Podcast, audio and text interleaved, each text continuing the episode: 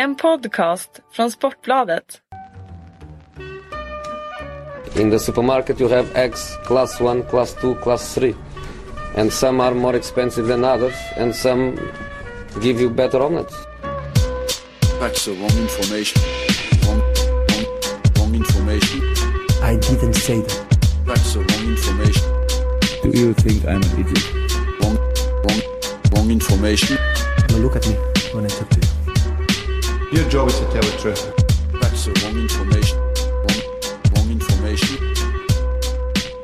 Hörde ni, välkomna ska ni vara då den här måndagen till eh, Sillypodden igen. Eh, mitt namn är Patrik Syk, med mig har jag Fredrik Jönsson och Patrik Sjögren. Hur mår ni? Ja, jag mår fint.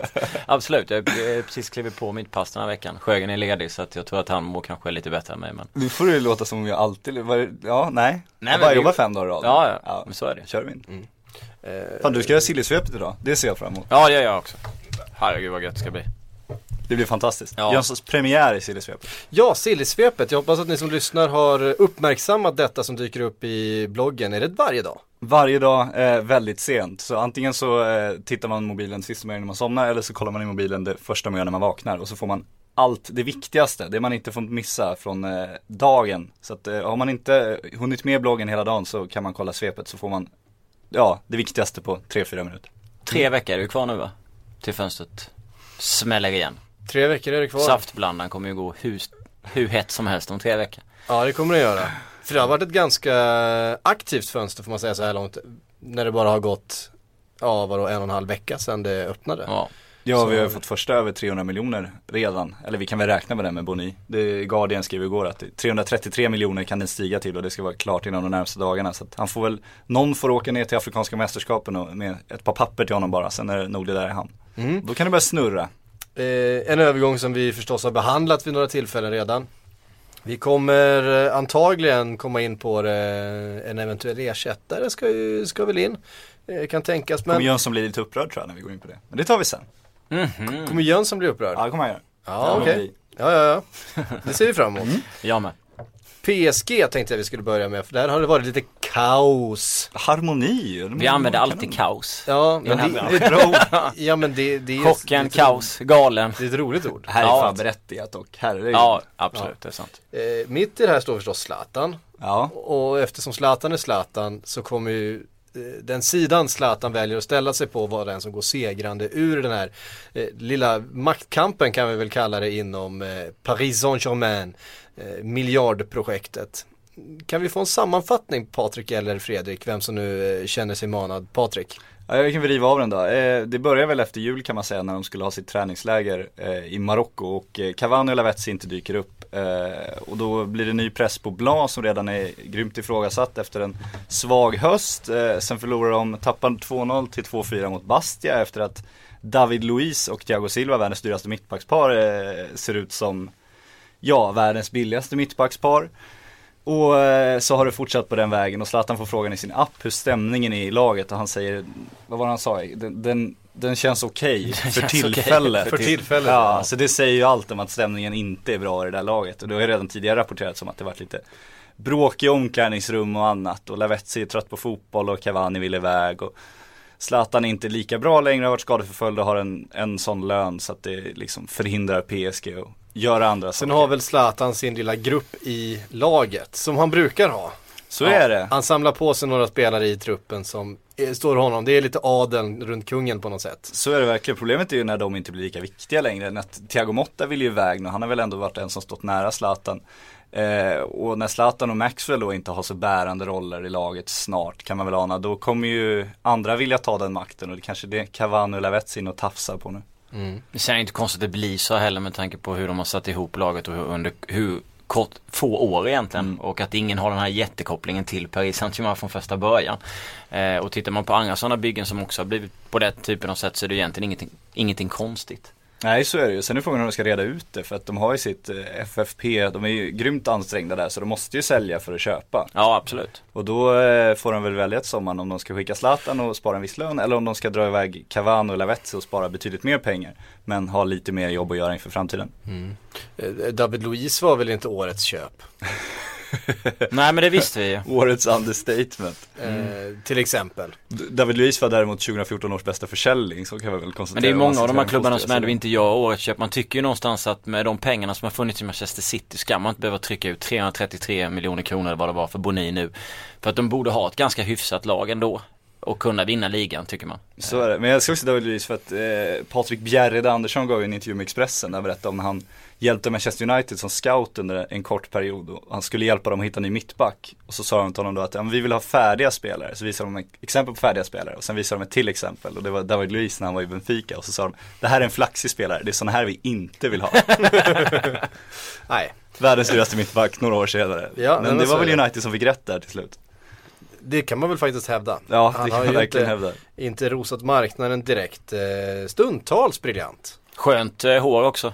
Liknar ju, vad, he- vad heter han, Side? eh, Sideshow Bob, ja. I Ja, men jag vidhåller, utan det håret hade han aldrig någonsin blivit världens dyraste mittback. Jag är helt övertygad. Han hade nog kostat en 20-25 miljoner då va? Ja, Utan men håret. betydligt mindre, han hade fortfarande dyr, men han hade kostat betydligt mindre utan vara helt övertygad om. Ja. Vad kommer hända då? Blir Blanc kvar? Hur är hans position? Ja, nu ryktas det väl om att Mancini skulle ha någon utköpsklausul eh, i sitt kontrakt med Inter för att kunna gå till PSG, vilket låter helt galet. Det tror jag väl inte en sekund på att man skriver så specifika klubbar på sina klausuler. Men eh, Bla är ju pressad och det, han var ju ett reservalternativ redan från början. Jag tror att de sedan dess har, har letat efter någon ny, men frågan är Just nu känns det inte som någon vill ta över. Däremot om de skulle lova att någon faktiskt får göra om det där laget och kanske göra sig av med en Zlatan. För att om Ja. du ska ha Zlatan så måste du ha någon tränare som han godkänner. Men om de tränare får då får löftet att ja, men, du gör precis vad du vill. Du kan skicka Zlatan om du vill. Du kan göra dig av med Lavetzi och Cavani. Du får använda de pengarna till att köpa nya. Då tror jag att det skulle kunna locka en stor tränare. Får han inte göra Vad det finns det då inte. för alternativ? Det finns en eh, Alltså- pre- pressad Jürgen Klopp till exempel. Ja, alltså grejen är ju så sett om det blir som Sjögren snackar om att man får lite fria tyglar om man går från att vara i Newcastle till Crystal Palace ungefär. Där Mark Ashley inte går med på en varvning. Och sen så flyttar man, ja, så flyttar man någon annanstans. Så tid får, så får man helt enkelt varva. Så lite, då tror jag inte att det är sådär eh, jättesvårt att få över en, eh, en bra tränare i och med att det lockar. Du får göra precis som du vill. Du har väldigt mycket pengar även om de är ansträngda Mm. för PS får du göra om. Eh, och skapa ditt eget, ditt eget gäng liksom. Eh, sen Jörgen Klopp, ja. Alltså jag han hade väl varit jättekul att se där samtidigt som, eh, jag vet inte hur sugen han är på att sticka från sin Dortmund. Det känns som att han kommer vara där hela sin karriär. Ungefär. Ja, om det inte går åt helvete då tror jag faktiskt han kommer gå. För Men vad är går åt helvete? Ja, hur- kan ju ändå ligga sist och ändå Jo bara- men jag menar han kommer ju ändå ha säsongen på sig men ligger Ja. de här någonstans i slutet av säsongen då tror jag att pressen kommer vara så stor och jag tror inte han kommer vilja bli sparkad så då tror jag han kommer Ja, gå. jo. Men sen tror jag att PSG känns inte som hans typ av Nej, projekt. det känns inte som han vill till någon romantisk klubb i Premier League. Däremot finns det ju en, en pengakåt kille i Ryssland som eh, har rätt att bryta sitt kontrakt med det ryska förbundet för att de inte betalar hans lön som heter Fabio Capello. Som är italienare vilket PSG har gillat. Han kanske skulle kunna vara sugen på en sån grej. Ja, det är inte omöjligt. Men Capello, han skulle inte bry har- sig om Zlatan var där eller om man behövde Han skulle Han, komma överens med men, Zlatan. men, Capello, han är en bit över 70 va? Ja men vad fan, auktoritet, de gillar ju äldre tränare inom fotbollsvärlden. Ja, det, där, det där ser jag inga det är problem inga med. problem. Jag tror att om Zlatan är kvar så är, tror jag Capello, Capello kan köra vara han är 85-90. Det är inga konstigheter. konstigheter. Nej, det är röka på att bänken. ja. Nej men han skulle ju komma överens med Zlatan också, han har ju satt Zlatan på plats förut. Om vi tittar i det här fönstret då, vad finns det i PSG som skulle kunna röra på sig? Eh, vi har pratat om Cavani, vi har pratat om Lavetzi. De är väl ganska aktuella. Eh, eh, Fast de kommer ju vara kvar. i Ja, det här fönstret. fönstret. Ja, Eh, just med Men det är, väl de, det är väl de som är oh, Vilka skulle det mer kunna vara? Det skulle Det vara någon, pratades om Adrien Rabiot, det pratades... Men det är väl en utlåning på honom Ja, Rabiot vill ju till Ja. Tottenham på lån. Ja. Han förlängde ju nu och då eh, lär han väl fått något löfte om att antingen får jag mer speltid eller så får jag gå på lån. Thiago Motta. att han går på lån. Thiago Motta vill ju iväg men de har ju uppenbarligen är- sagt nej till honom. Ja, men de kan ju inte ersätta nu. Dels så har ju David Luiz gjort så att de eh, inte har något utrymme alls ekonomiskt på riktigt och, och få in någon riktigt bra spelare. Och ska de skicka någon av de här riktigt stora stjärnorna och få ekonomiskt spelrum då måste de hitta en, alltså om de skickar Cavani måste de hitta en ny anfallare som är lika bra som, kan, som inte spelar Champions League den här säsongen. Och det finns och som heter till salu och det finns ju inga sådana på Nej. marknaden. Så att eh, de kommer ju inte sälja det i januari utan det där kommer hända till sommar. Mm. Då blir det revolution i Paris. Precis. Eh, från en röra till en annan då. Eh, från revolutionen i Paris till, ja vad det nu är som händer i Barcelona. Det är väl ingen revolution utan det är väl egentligen bara att eh, Messi får som man vill. Ja, eller det blir en revolution till sommaren när de har sitt nya presidentval. Då kommer Ja, det bli revolution i den klubben. För då kommer ju den som kommer in vilja sätta sin prägel på laget. Och kan man inte köpa spelare, hur sätter man då sin prägel på laget? Jo, man, Man behåller Man- Messi. och man väljer en tränare. Så ja. Luis Enriques dagar är nog, det kan vi nog räkna med att de är de är räknade senaste Mm. sommaren. Det vore en duktig skall annars. Laporta påstås ju lova Guardiola vilket ju känns jävligt konstigt. Och är Hur man kan lova. Guardiola som Alltså, Exakt. eh, det är lite kanske, det kan kännas lite klumpigt att uttrycka sig så men jag har inga liksom Eh, inga lag i Spanien som jag gillar sådär speciellt mycket, alltså som att jag håller på något lag. Och jag kan väl tycka att det är lite intressant att det ändå händer med Barcelona nu med tanke på att de hade, eh, vad var de hade på bröstet för? Eh, Ja, Unicef.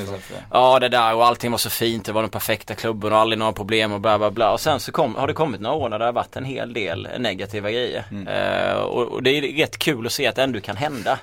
Eh, Skadeglädje. Ja men lite så alltså. Det är liksom inte bara vissa klubbar utan det finns fler. Och, och även den klubben som många såg som, som den finaste. Inte bara för att de spelade jävligt fin fotboll och kul fotboll att titta på utan att i klubben också eh, Eh, var det fint och, och så vidare liksom.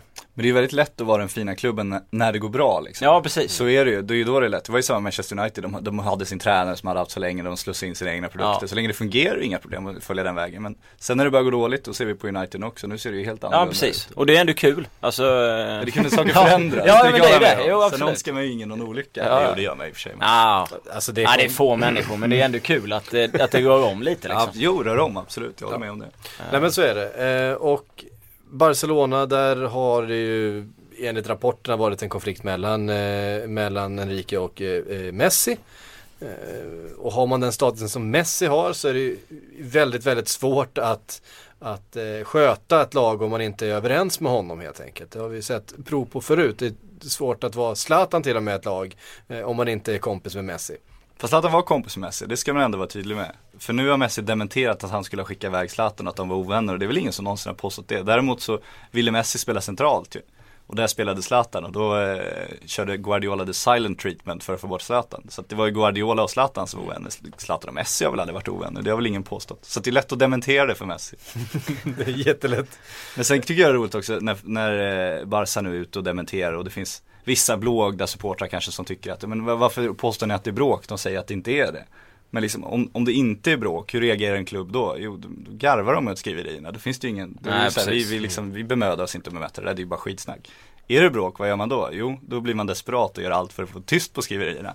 Nu har Luis Enrique haft två presskonferenser, Barcelonas president hade en presskonferens eh, i Barcelona, han hade en i New York tror jag och sen hade han en lång intervju med Barcelonas hemsida och nu har Leo Messi Ja. för första gången på vadå? Fem år gett en lång intervju med Barcelonas hemsida. Det har hänt Han där. ju typ aldrig med Messi. När vi var ju, jag kommer ihåg när han var här. Eh, och vi gjorde något reportage för honom. Vi vet inte ens om vi fick ett hej från honom, kommer du ihåg det? Ja, han- Argentina var i Sverige. ja, precis. Ja, han gick ju Eh, bakom, det finns så här sponsorväggar på Friends där man har mixade zonen. Mm. Och aldrig, alla spelare måste gå framför väggen, det är liksom Fifa-regler. Du ska liksom gå förbi pressen, du behöver inte prata med dem men du ska passera. Mm. Messi är den enda någonsin som inte gjort det. Han gick liksom bakom, det var så trångt bakom så man såg en figur som liksom tryckte ut den här skärmen. Alla stannade av och var rädda för att det skulle ramla liksom, bara för att han skulle gå runt. Och han har pratat nu. Och det tyder ju ändå på att det är någonting. Det är liksom. någonting. Det är Någonting klart att, vi, det är klart att vissa uppenbart. personer inte vill se att det är kaos Ja. i Barcelona. Så är det ju liksom. De kan tro på allt det positiva men de kan inte tro på det negativa. Nej, och när, när presidenten då utlyser nyval för att lugna situationen i klubben Mm. också, det, det är kaos i Barcelona. Absolut. Sen gillar jag Barcelona, man ska försvara dem. Jag gillar ju att Jo. de försökte vara den perfekta klubben. Jag älskar att de länge vägrar den här sponsorgrejen på bröstet och körde Ja, absolut. Och, Det hedrar dem. Ehm, men jag håller med om att det är roligt när det händer grejer. Ja absolut, jag det har ingenting negativt mot att de körde liksom det, att de gjorde det de gjorde under den perioden. Men det är ändå Du intressant att stödjer se. att de, stö- Nej, att de men gav alltså, Unicef men- stöd alltså. Men alltså det- dig. Men eh, alltså, men jag tänkte om det lät eh, konstigt från början när jag drog det. Men det är ändå intressant att se att det kan hända liksom. Att det kan hända i en sån klubb. Och att, eller som du var inne på United. Det Nej, att, kändes ing, att otroligt. ingen klubb är immun, mot Nej, eh, den men här alltså- typen av problem. Ja. Det, det, det är intressant i sig. Ja. Absolut. Sen tycker jag att det finns en annan väldigt spännande aspekt med Barcelona just nu och det är att eh, matchen igår när de har den här trion som inte liknar någonting annat vi kanske har sett i en klubb. Ja. Eh, att ha en anfallstrio som Suarez, Neymar, Messi på plan samtidigt. Eh, det ju, saknar ju egentligen motstycke. Ja, det, Eller- det är ju Real, Real som är liten, alltså om James Rodriguez hade levt upp till eh, sin Ja, men det, VM-stämpel det skulle vara då Ronaldo, Bale, Benzema. Ja, och James Men på, det på finns, sin höjd där ja men, men det, det har ändå inte det där riktigt samma Nej, det har Nej, nej, jag håller med. ri- Riktigt samma känsla som eh, just de tre Barcelona och det är väldigt intressant tycker jag att kolla om man tittar bara rent eh, idrottsmässigt. Ja, de är så konstiga karaktärer. Du Ja, den det är lilla, verkligen. liksom One Direction-killen Neymar och sen har du det här ufot Messi som liksom är så tyst så folk tror att han är stum. Och sen har du Suarez som bara går och biter folk liksom. Ja. Det, Som egentligen är helt jävla vild alltså. Han är ju full, han är ju fullständigt eh, Tokig människa. Ja, det är. Men han är en fantastisk fotbollsspelare. Ja. Men han är ju ändå vild. Och så ska han spela med Messi så känns det som liksom, han gömmer sig. Ja. Han går omvägar för att inte möta pressen. Och Suarez han bara biter folk när hela världen tittar på. Det skiter han i. Alltså det är så här, man älskar ju det. Alltså. Ja men man gillar ju den trion. Och så kan de vara så sjukt bra också liksom. Och det, och det är De så har ju sällan alltså- man pratar trios i fotbollen också. Kan ni komma på en trio, verkligen, som har varit en trio i eh, ja, det. Grenoli-kedjan. Ja, det, är herregud. liksom, det var ju ett tag är sedan. Men jag satt och funderade på den, den, den trio man växte, i alla fall jag växte upp med, jag som är några år äldre än vad ni är. ehm, är ju Van Basten, Frank Rijkaard och ehm, eh, Rud Schullit i eh, Milan. Ja, du är några år äldre än vad vi är, det är korrekt. Ja men jag kommer ihåg den. Ja, ja, du Absolut. och jag är väl ungefär Ja, jämngamla. Det är. Sjögren som är Ja, junioren lite. här. Ja. Mm, tack. Det var ju liksom kan man prata om en trio. Men de var ju inte så offensivt Nej det var ju inte, alla det var inte, det var inte, en, det var inte en anfallstrio på det Nej. sättet men det var ändå liksom som en, eh, det var tre holländare liksom i ett Men jag gillar liksom, triouppsättning, jag har alltid själv kört när man kört Championship Manager först så körde man ju alltid 3-4-3 så man hade tre riktigt bästa längst fram och så sket man i försvaret. eh, så att man Alla liksom, djupt. ja, ja men lite så. Eh, men alltså jag nu när man vi hade ju, hade vi fått tid att tänka så kanske vi kunde komma på en Men tio en men, liten trio var ju ändå Messi, Iniesta och Xavi. För man pratade Mm, ju där om att. Ja, Messi jo. inte kunde komma till utan att de skulle vara med det i sin sant. kammare Den, och så man, det, vidare. det, Ja, den är absolut eh, valide tycker jag. ja. Eh, men det är lite, Sen för ofta ju- pratar man ju om superduos liksom. Man hade sin eh, Firma brukar man kalla Ja precis, York och Cole York till exempel Cole. i, Ja, i eh, Manchester Barton United. Carroll. SAS eh, har vi haft eh, olika uppsättningar utav ju. Ja. Eh, och så vidare, men just trios. Ja, vi det, får det är sällan som, för även om de bara får en säsong tillsammans, det vet vi ju inte, vad som helst kan hända liksom. Eh, Messi till Chelsea. Ja. Eller, eh, och det har ju pratats om att Suarez skulle vara missnöjd och att eh, man skulle, du tror inte jag att någon av dem lämnar eftersom Barca inte får värva. Då är det helt otänkbart att man, att man säljer någon av de här superstjärnorna. Men det är kul också med Messi och Chelsea, det tycker jag man ska eh, vara tydlig med. Alltså det är klart han inte kommer gå till Chelsea och så vidare, men han börjar inte följa dem i sociala medier av en slump. Han är inte så dum så han inte inser att det kommer hända grejer. Och han, det är ingen slump att han gör det samma dag som han Nej, missar en träning och att det vart i bråk med Bara för att han är stum så är han inte dum liksom. så att, alltså, Bra, bra Ja. rubbe där. ja jag vet. Det är klart han gjorde det av en anledning. Det är klart han ville sätta press på klubben och visa, visa sin position där. Det är ju helt uppenbart. Ja. Det är inte så att han är så sugen på att se liksom, eh, ja men Diego Costa träna i sina vantar från London på en Instagram-bild liksom. Det är inte därför han är där inne. Eh, Nej. Det är därför jag är där. Det är därför du är där, ja, det vet så, jag. ja. Eh, absolut. Ska vi lämna Barsas eh, lilla sandlåda och röra oss till eh, Real Madrid? Och en mittback som heter Varan. Så vi pratade om sist också. Ja, exakt, så vi Ja. lanseras som oflyttbar Ja. sist. Och nu kommer frågan, ska han till Chelsea? Ja, Nej. Nej jag tror inte, alltså, jag förstår inte varför Real Madrid skulle få för men de fortsätter ju att dyka upp de här ryktena. Jo absolut men han hade kanske kunnat tänka sig spela där. Det är ju inte helt omöjligt med tanke på Mourinho och de, Men alltså varför skulle Real? Nej, det man kan spekulera är ju att han kanske har lanserat, alltså det påstås ju att han, de första ryktena var att han hade, hans agenter hade hört av sig till, till Chelsea och Manchester United och bad dem lägga bud på varandra liksom för att det fanns en möjlighet. Och då kan man ju gissa, alltså, om det stämmer så kan det ju bero på att han vill ha lite mer speltid, att han kanske vill Ja sätta högre lön, på nytt kontrakt. Ja, exakt. Någon av de två grejerna. Men det känns som det börjar bli dags nu att flytta honom förbi Pepe i ordningen faktiskt. Om jag var Real skulle jag fundera på att sälja Pepe istället. För jag tror att ett Manchester United skulle kunna betala bra jävla stålar för honom. Ja eller sälja till Barcelona, det hade jag gillat. det var ett skämt. Svårköpt fönstret också. Ja, den hade varit svår Tänk vilken jävla affär det skulle vara alltså. Pepe Jag till Barcelona. ja, jag vet inte Ja. jag skulle ta vägen om det skulle hända. Det skulle vara det sjukaste i hela Silly. Eh, Men om vi, eh, vi steker varandra igen. Ja, Ja det tycker jag, men vi lanserar Peppe till sommaren. Ja absolut. Peppe United. som ju det pratades mycket om i, i somras fast då var det City va som eh, Ja, det var, var var hög på Peppe. Men United med mittbacks eh, desperation och en bra jävla kappsäck alltså, om inte Real och där och försöker få, Men om vi, är där, 400 miljoner för Peppe om vi är där och hugger då så kan vi väl kasta in Laporte till United som det har pratats om i veckan också. Eh, Athletic Bilbaos mittback. Ja, det där tycker jag är intressant också för jag såg lite spanska journalister som med stor förvåning eh, följde de här rapporterna i England för de har inte hört någonting i Spanien. Och det brukar betyda att det är engelska tidningar som har lite roligt. För eh, flytta på en Bilbao-talang är ju aldrig billigt. Då måste man skicka några agenter som inte är agenter till något kontor i Spanien för att försöka lo- köpa loss honom för någon klausul som inte finns ungefär. Som en Ander Herrera-affär. Precis. Så att eh, det känns som det blir, det blir krångligt. Det känns som en supporter eller två som sitter i den här tidningen och skriver den typen av grejer för att de vill att de ska flytta dit. Det var ju många Arsenal-supporter som höll på så när Fabregas skulle gå till Barcelona. Eh, att de höll på i så många år och skriva om det nere i Spanien för att de just skulle väcka eh, Fabregas liksom tankar av att flytta tillbaka. Så att det känns mer som att det är en supporter som sitter och skriver den typen av saker när man i Spanien inte har hört någonting. Eh, sen är det ju en fantastiskt spännande spelare som räknas som basker för att han gjorde den här flytten. Han var typ 13 år gammal i Frankrike va? Till en region. Eh, och det var lite snack om han verkligen var basker från början och sen så Finns sa ju, han att finns ju, Basken hans- går ju in i, i Frankrike Ja, också. men det var ändå så att de inte riktigt visste. Sen sa han att det var hans föräldrar. Föräldrar hade lite blod av det. Och sen har han ju varit så jävla bra. För den unge, han gjorde väl debut som 18-åring. 2012 var det väl någonstans. Han är ju 20 nu, 19 nu. Ja, eller är han 20? Han är 20 nu va? Ja det är något sånt. Han hade nog korsbandsskada när han kom och sen så hade han lite tufft och sen så liksom bla bla bla gick det bra och sen gjorde han debuten och så. här. Och nu är det ju liksom ingen som ifrågasätter om han skulle vara bask eller inte. Eh, Men det finns ju också, som vi nämnde förut, Adrien Rabiot va? Han är väl eh, fransk basker. Det kan han mycket väl vara och blir han tillräckligt bra så kommer han också vara basker i Bilbaos ögon, inga problem. Men han är väl för bra redan för att, för att Ja, bli absolut. basker kanske. Det, ja, men då är det det är lånet kanske då. Ja, men Mm. jag, jag skulle jättegärna se han i Tottenham om han skulle få speltid för att han, han är ju fruktansvärt spännande alltså det är, Om han får lite fysik i sig så kommer, så är det en stor jävla spelare där. Och ett lite bättre huvud kanske.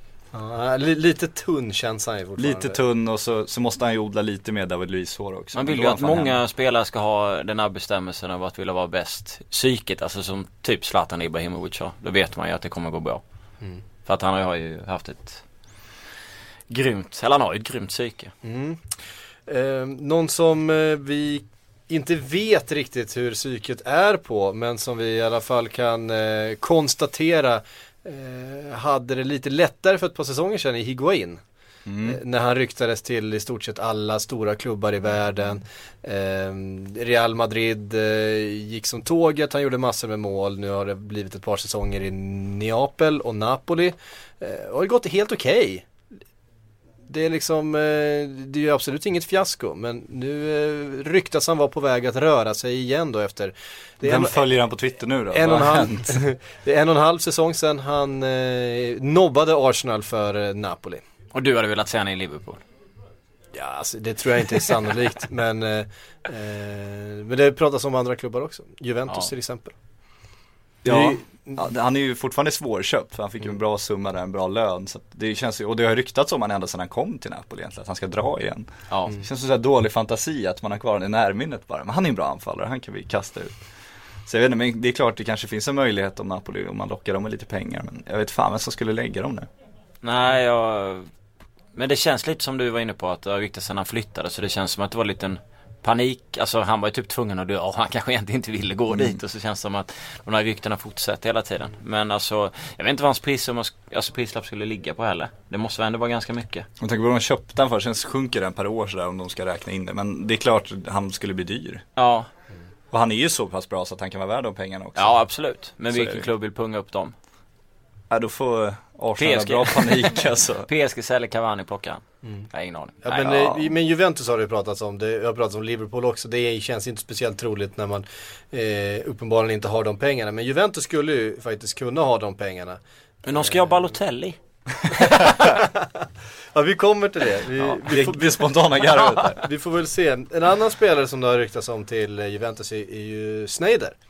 Ja, Wesley. Wesley som skulle vara på väg tillbaka. De försökte Ja, ju köpa honom, det kan vi väl ändå konstatera. Ja, för de har ju kommenterat det här till och med och sagt att det vore en väldigt bra spelare men Galatasaray har- har sagt nej. Ja, Prislappen är väl skyhög för att vara han. ja för det var så gammal. De, de, de kommenterar ju, de ville ju ha sin fasta summa där. Den låg väl, vad låg den på? 130? Ja, de har en bit över 100 miljoner i alla fall. Jag kommer inte ihåg, det var väl du som skrev det här. Jag läste ditt inlägg i en silligt om det. Ja, vi skrev eh, men alltså det var någonting sånt ja, det stämmer. Eh, det var i alla fall eh, en bit över 100. Eh, ja, ja, så eh, man ser ju inte om så mycket Galatasaray. Jag kollar inte på så mycket turkisk fotboll liksom. Men det är klart att det, det är ju Det är en bra fotbollsspelare. Jag tror han skulle få ett eh, Alltså ett lyft också av att han, om han skulle flytta till en klubb som Juventus eller, eller en större Men alltså tar en han plats på 188 miljoner. 188, det är herregud. Ja, det beror mycket från Eh, 30 år kan man säga. Alltså, tar han, tar han plats på det mittfältet? Vem petar han då? Nej, plats han definitivt inte. Nej. Men det, det, det Allegri sa ju efteråt var ju att om, om vi ska värva en spelare måste det måste vara väldigt, väldigt bra spelare om han överhuvudtaget ska hjälpa oss. Och då blir Ja. det, det är väldigt svårt att hitta den i januari. Men han är ju en sån spelare som skulle kunna liksom vara med i en rotation där. Så han kan ju gå in direkt i januari, han har den rutinen, han är ändå stabil och har liksom koll på hela ligan och allting. Ja, han har ju spelat där innan liksom. Exakt, det men, men skulle de gå till liksom en Champions League-final så är det inte Wesley Sneijder som startar på mitten. Så, Nej, det är det inte. Eh, nej, för de har ju andra hyfsade mittfältare i Juventus. Ja, det, det man kan ha lite i Vidal, hur, hur han mår egentligen. För han har ju ändå gått ner sig hyfsat mot så Ja. otroligt bra han var förut. Så att eh, det kan man ju fundera på. trasiga knän. Ja, man kan fundera på om det fortfarande finns intresse för honom, kan det vara lite säljläge där. Men det vore ju inte Wesley Sneijder som ska ersätta honom på sikt heller. Så att. Eh, nej, Sneijder är ju inte lite bud, 22 liksom. liksom. Nej, ja, exakt. eh, och Pirlo. Eh, vet man ju aldrig med Allegri och Pirlo. Han kan ju få se skicka honom, idioten eh, som han gjorde när han var i Milan. Det var ju helt otroligt. Ja. Eh, nej, och Pirlo är ju inte någon junior längre heller. Nej, Så att- fantastisk fotbollsspelare. Ja, så är det. Älskar t-shirten. Men, eh, No Pirlo, no party. Fyllon av party. det är bra. Men var det, det var Pirlo som hade färre löpmeter än eh, målvakten en match va? Eh, så var någon som eh, mycket väl vara, han tog upp flera i, sista i då. eh, en diskussion här. Eh, Det var en, eh, en, en, en match här som, han hade, han hade färre löpmeter än, än sin egen målvakt. Pirlo Eh, hade ändå varit framträdande i den matchen. Förmodligen bäst på planen Ja, då. det, det där kan vara en, Snyggast hår en också. också. Alltid. Och har i en video konstaterat no Bentner, no party, han sagt Ja. videon. Bara det är värt. Eh, Det rör oss ju, eh, eller det får oss ju ganska snabbt att röra oss till då det här ryktet kring Balotelli och Juventus. Eh, Att Juventus skulle då vara beredda att låna Balotelli resten av säsongen med en köpklausul till sommaren. Det här kommer från eh, The Times. Ja, och man kan garva, jag håller med för att det hade varit, det känns väldigt konstigt men Det känns inte som man har stärkt sina aktier riktigt den här senaste sex månaderna. Nej exakt. Men Italien igen alltså. Jo men samtidigt är det ju så Italien jobbar många gånger. De tar ju hem äldre spelare till lite lägre summor. De tog ju en Carlos Tevez som liksom hade vägrat värma upp och liksom. De är ju ofta beredda att ge folk chansen en, två, tre gånger mer än vad många andra Mm. Jo, är. Och han har en väldigt hög stjärnstatus i Italien. Det hade varit en väldigt omdiskuterad affär. Han hade förmodligen sålt en del tröjor. Och det var en, eh, det var väl Allegri som tog honom till Milan. När han gick dit. ja, från skulle mycket väl vara, det minns jag inte exakt men. Ja, Ja, det, var ju, det var ju Raiola som tog honom till Milan. Ja, just det, Ja, exakt. för, för det är det, Raiola har ju då varit i möten eh, i Turin. Han Det- har varit det, på Juventus kontor, det ja, kan vi konstatera. Det vet vi. Ja. Eh, sen om det är precis Balotelli de har pratat om, han har ju en eh, viss Pogba. Han har en Pogba I, eh, som den ska truppen dessutom. förhandla saker där. Han har väl en Mkhitaryan tror jag har tagit Milan Ja. nu också. Mkhitaryan är, är ska, också minus som ska eh, flytta kille. på sig. Mm. Vi kan vara överens om att Liverpool kommer inte gråta. Och Juventus kommer kanske inte heller gråta för de kan väl tycka att det var värt att chansa på honom på lån. Men alltså jag vet inte när de plockade TVs. TVs hade ju ändå gjort en hel del i England och gjort mycket mål. Så Ja, herregud, alltså, nivå, är ju jag liksom, med. alltså, jag, alltså jag, eh, jag vet inte vad jag ska jag vet inte vad jag ska säga om honom. Alltså det känns som att Juventus eh, det är klart han kanske kan få det där lyftet som man ändå tror att han har för att han, han har stjärnstatusen i Italien, kan få speltid på grund av det. Och är ju, han har ju någonting i sig, det har vi ju sett. Men det känns som att han borde gå till en, en annan klubb.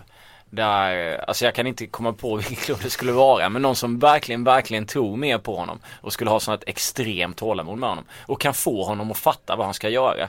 Och kan liksom, alltså, eh, ja, behandla honom på ett sätt som han han behöver för att bli en vettig fotbollsspelare igen. Jag vet inte vilken tränare det skulle vara. Nej men jag tror inte heller han skulle göra succé i Juventus men jag är inte jätteförvånad att han kopplas ihop med Juventus. Nej, det känns nej. som det finns parametrar där som ändå gör det hyfsat logiskt att de kanske skulle se, om det är väldigt, väldigt billigt tror jag att de skulle kunna tänka sig att slå till av ekonomiska skäl om inte annat. Mm.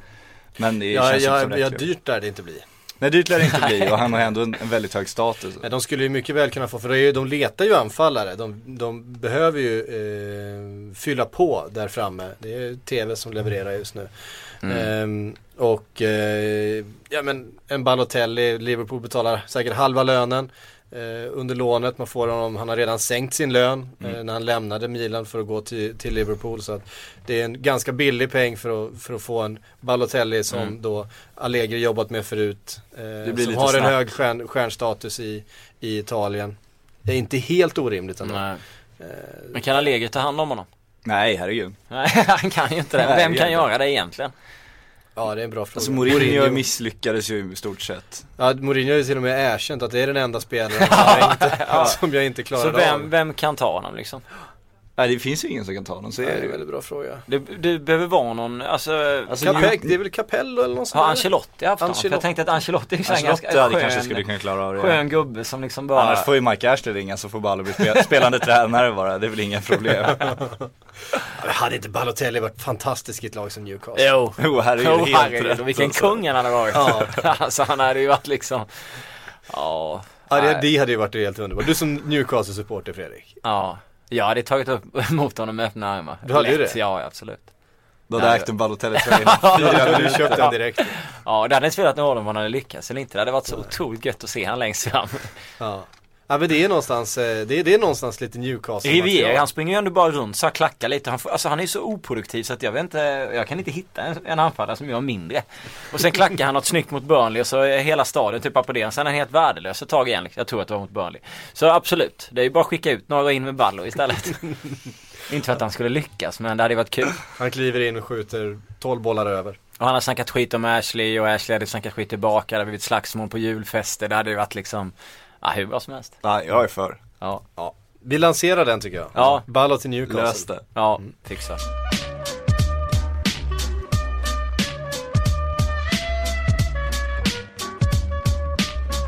Vi eh, har en spelare till i Liverpool som eh, kanske kan vara på väg ut det här januarifönstret. Det är Lucas Leiva eh, som uppvaktas utav eh, Inter. Det har varit eh, Napoli tidigare, Benitez, den kopplingen är, Är given. är ju given. Det var en av Benites favoritspelare, en spelare som Benitez värvade från Gremio för eh, en herrans massa år sedan. Eh, Inter v- uppges vilja vara beredd att betala 7 miljoner pund. Alltså då motsvarande typ 80 miljoner, något där va? Ja, har inte Mancini ridit ut och sagt att hans rutin hade kunnat hjälpa dem också tror jag. Så att, Mm. Och han har- skrev ju själv det här mystiska meddelandet på Twitter häromdagen efter segern att, eh, vad var det han skrev? Tack för de tre poängen och tack för allt ungefär. Så att eh, det talar ju för att det kanske är någonting på gång. Det Det, kan lät vara lite som ett där. avsked det där. Så att, eh, vi får väl se. Rodgers har ju också varit ute och sagt att han inte vill släppa eh, Lucas Leiva. Men eh, Men han har haft en Europaklubb, han har liksom, han har ingen viktig roll i den klubben längre. Han är inte ordinarie på något sätt. Nej. Och då få åka till Italien och kanske bli lite stjärna till och med. Det, borde, det är klart att det borde locka Lukas väldigt mycket innan han blir för gammal. För han är fortfarande, alltså relativt, med italienska mått mätt så är han ju ung i alla fall. ja, då är han ju nybörjare. I Ja, Milan har han väl varit den yngsta killen har plockat in. Vilka spelare Han får ta vattenflaskorna. Ja, typ. Nej men alltså absolut, jag tycker väl att en miljöombyte är perfekt eh, för honom. Man hade gärna Alltså, sett honom där också, ja, få lite friare roll absolut. kanske vara lite mer kreativ också. Det var ju annorlunda för några år sedan men den situationen som man är i nu så varför inte? Mm. Det är ändå rätt bra pris. pris Ja, alltså. bra betalt också Ja. för honom. Så jag tycker att det är klart i januari kan det vara jobbigt för Liverpool eftersom de inte kan ersätta honom så lätt då. Men, eh, men eh, hade det varit under sommaren så hade man ju tyckt att de borde släppa honom tycker jag. Mm. Ja, jag, som Liverpool-supporter vill jag ju se honom vara kvar faktiskt. Ja det förstår vi. Eh, tycker om honom. Du vill väl ha alla spelare du kan få? Så är det Nej, så är det absolut inte. Balotelli. så är det ju verkligen inte. Men, eh, men just Lucas Leiva eh, tycker jag har varit ganska bra den här säsongen. Men en nyttig kille, det är Ja. sådana man Mm. gillar som inte kommer klaga, som bara kan, kan sitta på bänken, kan sitta på läktaren, kan spela. Sen hade han ju en väldigt, en väldigt hög nivå där för han åkte på sin långtidsskada. Ja, just var han ju lagets Ja. bästa spelare eh, under flera månader. Sen har han ju liksom långsamt jobbat sig tillbaks till någonting av, av den här formen och nu tycker jag han börjar bli en nyckelspelare igen. Eh, där på centralt mittfält. Han är ju stenhård Mm. eh, när han har, är i sina bästa stunder. Jobbig att möta. Sen är det personligheten som ni snackar om också, som är skön. Han verkar ändå vara liksom. Ja, den nej, han- han är nog kör lätt på jobbad. oss. Ja, absolut. Det känns så. Det Ja. känns som en, eh, en positiv och glad kille. Eh, en annan positiv och glad kille är Samuel Eto'o. Han har, väl, han har väl aldrig klagat på någonting, eller hur? Nej, nej, nej, nej, inte, inte inför VM-turneringarna. nej, nej, nej, nej. Inga problem. Ehm, Easy going. ja, precis. Sampdoria. Ja, herregud, vad är det, Det som där, händer? det är liksom, det där, den där karriären blir bara mer och mer intressant. Ja, men- För det, det känns som det är ganska nära nu att han eh, hamnar i Sampdoria. Ja, när till och med Everton går ut på sitt officiella Twitterkonto och dementerar att Sampdoria hört av sig. Återigen, hade det varit skitsnack hade de hållit käften, är det inte Ja, skitsnack så då, är det alltid. då pratar man. Så att, eh, det är någonting där.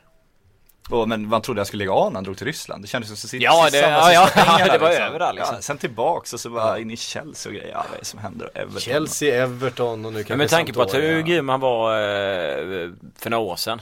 Eh, han är väl hyfsad fortfarande men så grym så känns det väl som att han har ett väldigt fett CV och kan leva ganska många år på det. Och fortfarande göra det i Italien tror jag. Ett han ganska fett bankkonto också. Ja, jag att- tror han har funkat ganska bra i Italien. Luca Toni levererar ju fortfarande i Italien. Om man ser till vad- vilken karriär han har haft. Och Eto'o, jag vet inte hur gammal är han nu? Det är väl, os, det är väl lite oklart. Ja den är fin alltså. Ja, eh, ja det, är väl mer, det är väl mer klart vad han, hur gammal han är än vad det var runt Obafemi Martins en gång i tiden. Det var ingen som visste. Nej, jag, jag minns faktiskt inte hur gammal 33. han är. 33. 33. Ja. Mm. Ja, precis. Han är 81 helt enkelt. Precis Ja, som... den där matematiken får du göra det. Ja, 81 precis som jag. Nej, Jag ser han gärna i Sampdoria. Ja men Eh, två Ja, år till är han inte? 35. In och rör Jag har gillat lite. mycket av det jag sett av Sampdoria den här säsongen. Särskilt om de spelar på hemmaplan borta. De har varit lite De körde den här varianten mot Lazio när alla stod i mitten och bara sprang och så fick de stryk med 3-0 sen. Jag vet inte riktigt vad de höll på med då men eh, Men de eh, ska ju ha någon Casano-galning längst Ja, absolut. Också. Det hör ju till. Det är ju Sampdorias ande Ja, ja. på något sätt. Så det är bara att köra. Jag hade gillat det jättemycket. Ja. Ja, absolut. Och Everton, han har ingen jätteviktig roll där direkt. Så att. Eh, nej. Eh, nu har jag skrivit något konstigt på pappret, så Falcao till IK Brage. Ja, det är därför du förklarar själv. Ja, det- det, det handlar egentligen om att eh, Falcao befinner sig någonstans ute i etern och ingen vet riktigt i vilken radioapparat han ska landa. Eh, han verkar ju inte vara eh, vad Louis van Gaal ser som eh, Manchester United Manchester Uniteds framtid. Eh, blev petad, satt inte ens på bänken igår, lämnade arenan, eh, stannade inte kvar för att titta på matchen. Eh, Fast det gjorde han. Men var det fast verkligen sant? Nej det var det var han ska ha befunnit sig på matchen. Ja det var, det Ja. var så, ja okej. Mm. Eh, Men det är ändå, det, det förändrar ju inte situationen överhuvudtaget. egentligen. allt, allt tyder ju på att eh, Falcao inte kommer bli en Manchester United legend. Nej så känns det. Det kommer han inte Och det bli. fanns ju folk, återigen lite, lite blåögda, förlåt kanske, men som säger då att ja, men han vilades efter att ha spelat så mycket. Ja, men eh, du möter en, en direkt konkurrent om, om Champions League-platserna, det viktigaste på hela säsongen.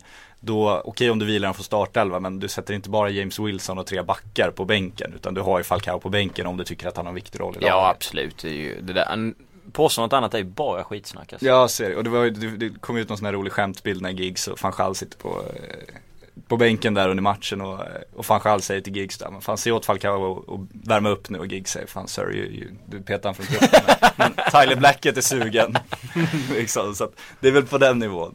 Men det är klart, alltså okej han, han är ju svindyr redan, lånet var svindyrt men han kostar ytterligare, beroende på vem man tror på, 400-500 miljoner att lösa som kommer de ska. inte slänga ut de pengarna. Finns Nej, inte då möjlighet. ska du ju ha en kille som överpresterar som liksom utmanar skytteligan. Det är ju en sån som kostar 500 miljoner. Det är ju inte en kille som liksom svävar mellan startelvan och, och läktaren. Den betalar du inte en halv miljard för.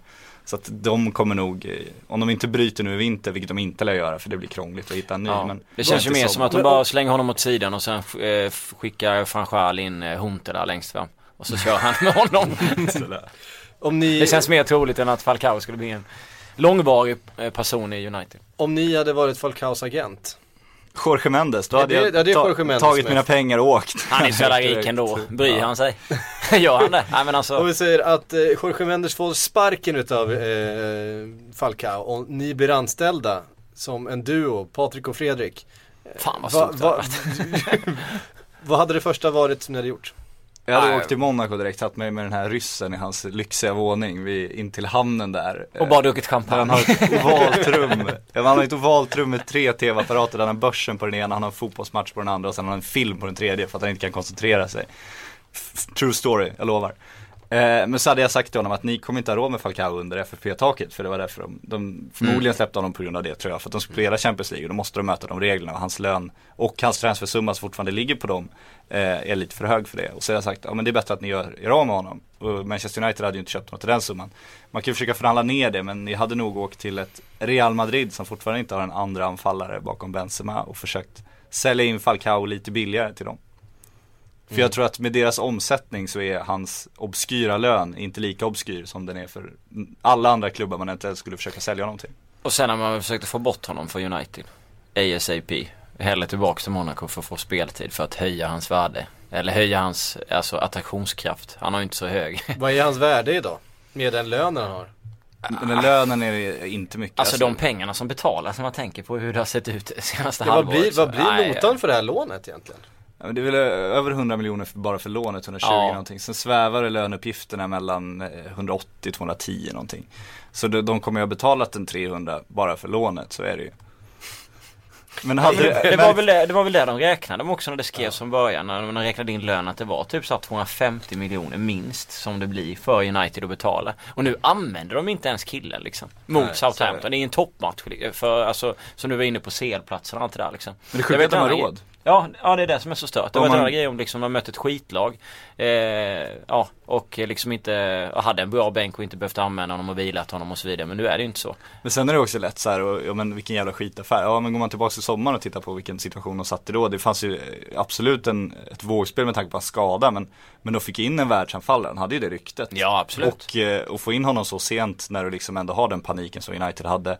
Och få 300 första och ändå ha en chans att komma ur det sen. Det är ju inte en jättedålig affär på Nej. så sätt. Sen har det ju inte fungerat, det kan man ju Man tror ju faktiskt att det ska fungera med tanke på klubben, eh, den Ja. managern som, som är där, och, eh, managern som är där och den kvaliteten som Falcao ändå besitter. Så tror man ju ändå någonstans att det ska fungera. Så jag håller med dig, men om man tittar tillbaka så är det väl ingen dålig affär. För du hade ändå möjligheten då att låna honom och sen köpa honom eller skita i att köpa honom. Och då har du, haft, har du chansen att spela till dig en CL-plats och du vet vilken position du står i till nästa säsong och så vidare. Men nu har det bara blivit skit av det. I alla fall det här halvåret. Så att, inte, eh, men hade han varit lite så här billigare, hade haft liksom en, en rätt normal lön, då hade han ju varit en kanonspelare ha på bänken. För Absolut. alltid sliter stenhårt, han är ju en bra avslutare, han kommer Ja. göra vissa mål. Så är det, så att han är inte en dålig spelare så, men han är inte en spelare du betalar en halv miljard för i Nej. sommar. Så det är väl därför han kommer försvinna. Och sen kan han kanske bli kvar, men då får de förhandla ner den lönen och då får de förhandla ner det priset. Då kanske han är värd ändå att satsa på. För det är United och Real med deras omsättningar som ändå kan, kan ha en svindyr spelare på bänken och inte ha några problem med det. Liksom. Manchester United, 21 matcher, 37 poäng. Låter Under David Moyes eller? Låter det, låter det bekant? Ja, det var. Det är ju identiskt med förra säsongen. Eh, när David Moyes alltså eh, egentligen eh, hängdes. Köpte Fellaini och gjorde det bästa av situationen. Precis. Ehm, mm. vad... Eh, Moise är kung i Spanien. Får ju bajsa med 1-0. ja, precis. Ehm, Louis van Gaal, om det inte blir Champions League-spel, ryker han då till sommaren? Ska de börja om då igen? Nej jag tror inte jag, jag tror att de bygger vidare på det här. Och det, just nu, alltså skillnaden mot förra säsongen är ju att, är ju positionen ändå, att de är i en jättebra position för att nå Champions League. Ja, absolut. De har ju ett bra slag, slagläge. Så att eh, på så sätt så ser det ju mycket, mycket bättre ut. Sen har han eh, två miljarder mer och inga poäng mer liksom. det, Nej. det ser ju inte jättebra ut. Men det känns som det är rätt tränare för att för att bygga mer lång, långsiktigt på så att minst en säsong till. Samtidigt sa vi ju det om David Moyes också. Men hans spelsätt passar väl mer med det United vill också. Än det Moyes ville. Alltså eh, det känns som att van Gaal vill väl ha en mer offensivare spelstil än vad David Moyes. David Moyes känns som perfekt i Sociedad som han är nu. Han kan vara destruktiv och bara döda en match mot Barcelona och ändå vinna med 1-0. Lite som man kunde göra när han var i Everton. Men han passade ju inte in i United på det sättet. Och det gör ju van Gaal liksom. Så att jag tror också att han får längre tid på sig. Oavsett om det blir Champions League eller inte. Och sen känns det som att de visar större förtroende för att de gav han ju liksom oh, hur mycket resurser Ja, som ju helst. Han fick ut två miljarder, köp vad du vill liksom, varsågod. Det hade ju inte riktigt David Moyes. Alltså han Nej, köpte verkligen Fellaini och sen, sen fick de panik i vintern och då fick han köpa Mata liksom. Men det var ju inte mer än så. Van Gaal har ju fått exakt fria tyglar. Han har fått bygga om, han har fått ändra hela uppställningen. Han har satt in ett par någon ytterbackar, defensiva, offensiva som de inte haft tidigare. Han har gjort en trebackslinje och nu ska han köpa spelare som passar in i det. Så förtroendet är ju helt annorlunda också. Mm. Och det ser ju spännande ut. Jag tycker stundtals ser det bra ut och truppmässigt om de får in rätt namn till försvaret så ser det ju fruktansvärt starkt ut helt plötsligt. Så att det känns ändå som de är på uppgång trots att de inte har tagit fler poäng. Jag tycker ändå de har ut en hel del eh, bra matcher som man själv Ja. suttit Igår var ju ett riktigt sömnpiller å andra sidan. Eh, vissa Men du mötte ligans bästa Ja, försvar, vilket man absolut. ändå får utnämna Men det var, jag tyckte det var mycket, var dålig passningsspel, dålig bollkontroll och överlag eh, sömnig tillställning liksom. Eh, Men det är ju som du säger, Southampton är inget dåligt fotbollslag så att det är inte så Men konstigt. vad har de släppt in i ligan? 15 mål eller vad är det? De har släppt in minst mål av alla tror De jag. hade väl bara släppt in fem innan de åkte på en ganska hård smäll va? Innan de började möta topplagen så hade Ja, de typ så så det var. 23-5 i målskillnad. Sen åkte de väl på ett par smällar. Men jag tror fortfarande de har släppt in minst mål i ligan, Ja. jag tror det. Och så har de ju Fraser Foster där som är fan duktigt jävla underskattad fortfarande. Mm. Så att eh, det var ju tuff, tufft att möta dem Ja absolut. Men jag håller med, det har sett jättebra ut i vissa matcher. Man Mm. ser ju tendenser till att det kommer bli, kommer bli mycket, mycket bättre. Ja. Så att det, man ska inte ge upp Och de fan. ligger fyra, de är med där uppe. De har ju, personligen så är jag rätt övertygad om att de kommer nå den här Champions League-platsen. Mm. eh, Och det är det enda man kan begära det här året tycker jag också. Ja. Om man Ja. jämför lagen med Manchester City och Chelsea som har byggt liksom på längre sikt och är mer eller mindre klara med sina lagbyggen. Så det är klart att de inte ska kunna utmana dem direkt. Det vore att kräva för mycket. Ja. Mm, nej. Hörrni, vi har en jäkla massa frågor men jag tänkte vi skulle hinna med ett litet eh, rep om den svenska fotbollen också. Den pratar vi ju inte så ofta om men eh, Fredrik, du har, ju, Ja. du har ju örat mot marken som man brukar säga. Och Alltså alla, alla agenter på speed dial i din eh, biltelefon. Jag har ingen bil och jag har alldeles för få agenter på eh, där. Men jag surrar väl med ett par stycken även om de är lite svåra att få tag på. Eh, men det har väl varit mycket Malmö FF av förståeliga skäl liksom. Ja. Eh, jag gjorde någon artikel i november. Tror jag det var. Eh, att tio spelare var på väg bort. Jag använde ordet spelarflykt. Vilket inte alltid var okej hos alla tidningar. Men det är en helt annan diskussion. Eh, det var i alla fall tio gubbar. Eh, nu har fem försvunnit. Ricardinho, Halsti, Foppa, Simon Tan och eh, Magnus Eriksson. Och sen är det väl fem till som är i farozonen. Då var det Tinne. Willbort. Ja, Tinneholm, Robin Olsen. Kise. Eh, ja, exakt. Och det har varit bud på Kise. Eh, Robin Olsen måste de väl ersätta innan de plockar in en ny målvakt. De tror väl inte riktigt på eh, Sixten Molin eller är det Zlatan som är andra keepern då? Ja, där är du bättre än mig. Men det Eh, inte och Molin har väl inte riktigt fått den liksom, utvecklingen sen eh, U17-VM och det kanske inte Nej. är så konstigt heller. Det har bara gått liksom ett år sådär. Eh, Nej, Väldigt ung för att liksom ta, Ja. ta första plats i ett allsvenskt lag. Ja, och som också kvalar till Champions League och, och så vidare liksom. Och sen ryktades det lite om Rosenberg och sådär. Eh, men det ska bli spännande att se för Daniel Andersson har ändå gjort ett fantastiskt jobb tidigare. Och fört den här klubben framåt och det känns som att det ändå funkat väldigt, väldigt bra. Eh, och nu har Vad har man fått in, då? Man har fått in ehm, Foppa fick man ju in 35 miljoner enligt. Ja men jag tänker i spelar, spelarväg. De plockade in och, och eh, Lewicki. Precis från Häcken. Ja, och vad heter han, talangen från Landskrona? Nu står det still. Ehm, Ja det här kan alla ni MMF-supportrar som, som ja, lyssnar extra noga nu eh, på era Eh, fem fingrar. Men sen är det väl lite, de har ju lite under där. Jag är lite, alltså det är ju svårt att säga vad, vad de kommer ersätta med. Jag tror inte att de tror riktigt på Johan Hammar för att ta ett exempel. Det är inte så att han bara kommer ersätta de eh, försvararna, defensiva mittfältarna som eventuellt drar. Agdar Rakip är också samma, han var med i U17-VM. Otrolig talang. Frågan är, kommer de satsa på honom? Kommer de inte göra det?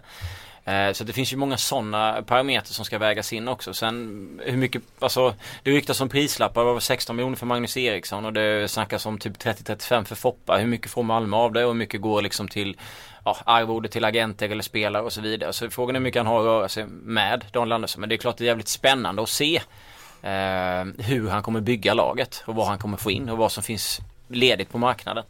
Jag har googlat nu. Ja, Erik Andersson, Landskrona. Så heter han. Och sen Felix Olsson Lundgren också från HIF. Men en Ja. 16-åring. Så att det, det känns ju inte Den riktigt där, klart. skån, Nej. den där skånskan får du jobba på. Ja, jag vet. Det finns ju lite till. Sen har de ju Ado på mittfältet givetvis som är väldigt Men- bra. Men hur länge får de behålla honom? Han har ju liksom, han ryktades ju utomlands. Alltså i Europa sett. Nu ligger ju Sverige och Norge där också och så vidare. Men eh, han ryktades vara på väg dit innan han gick till Malmö. Så Malmö gjorde ju en jävligt bra affär. De plockade in honom.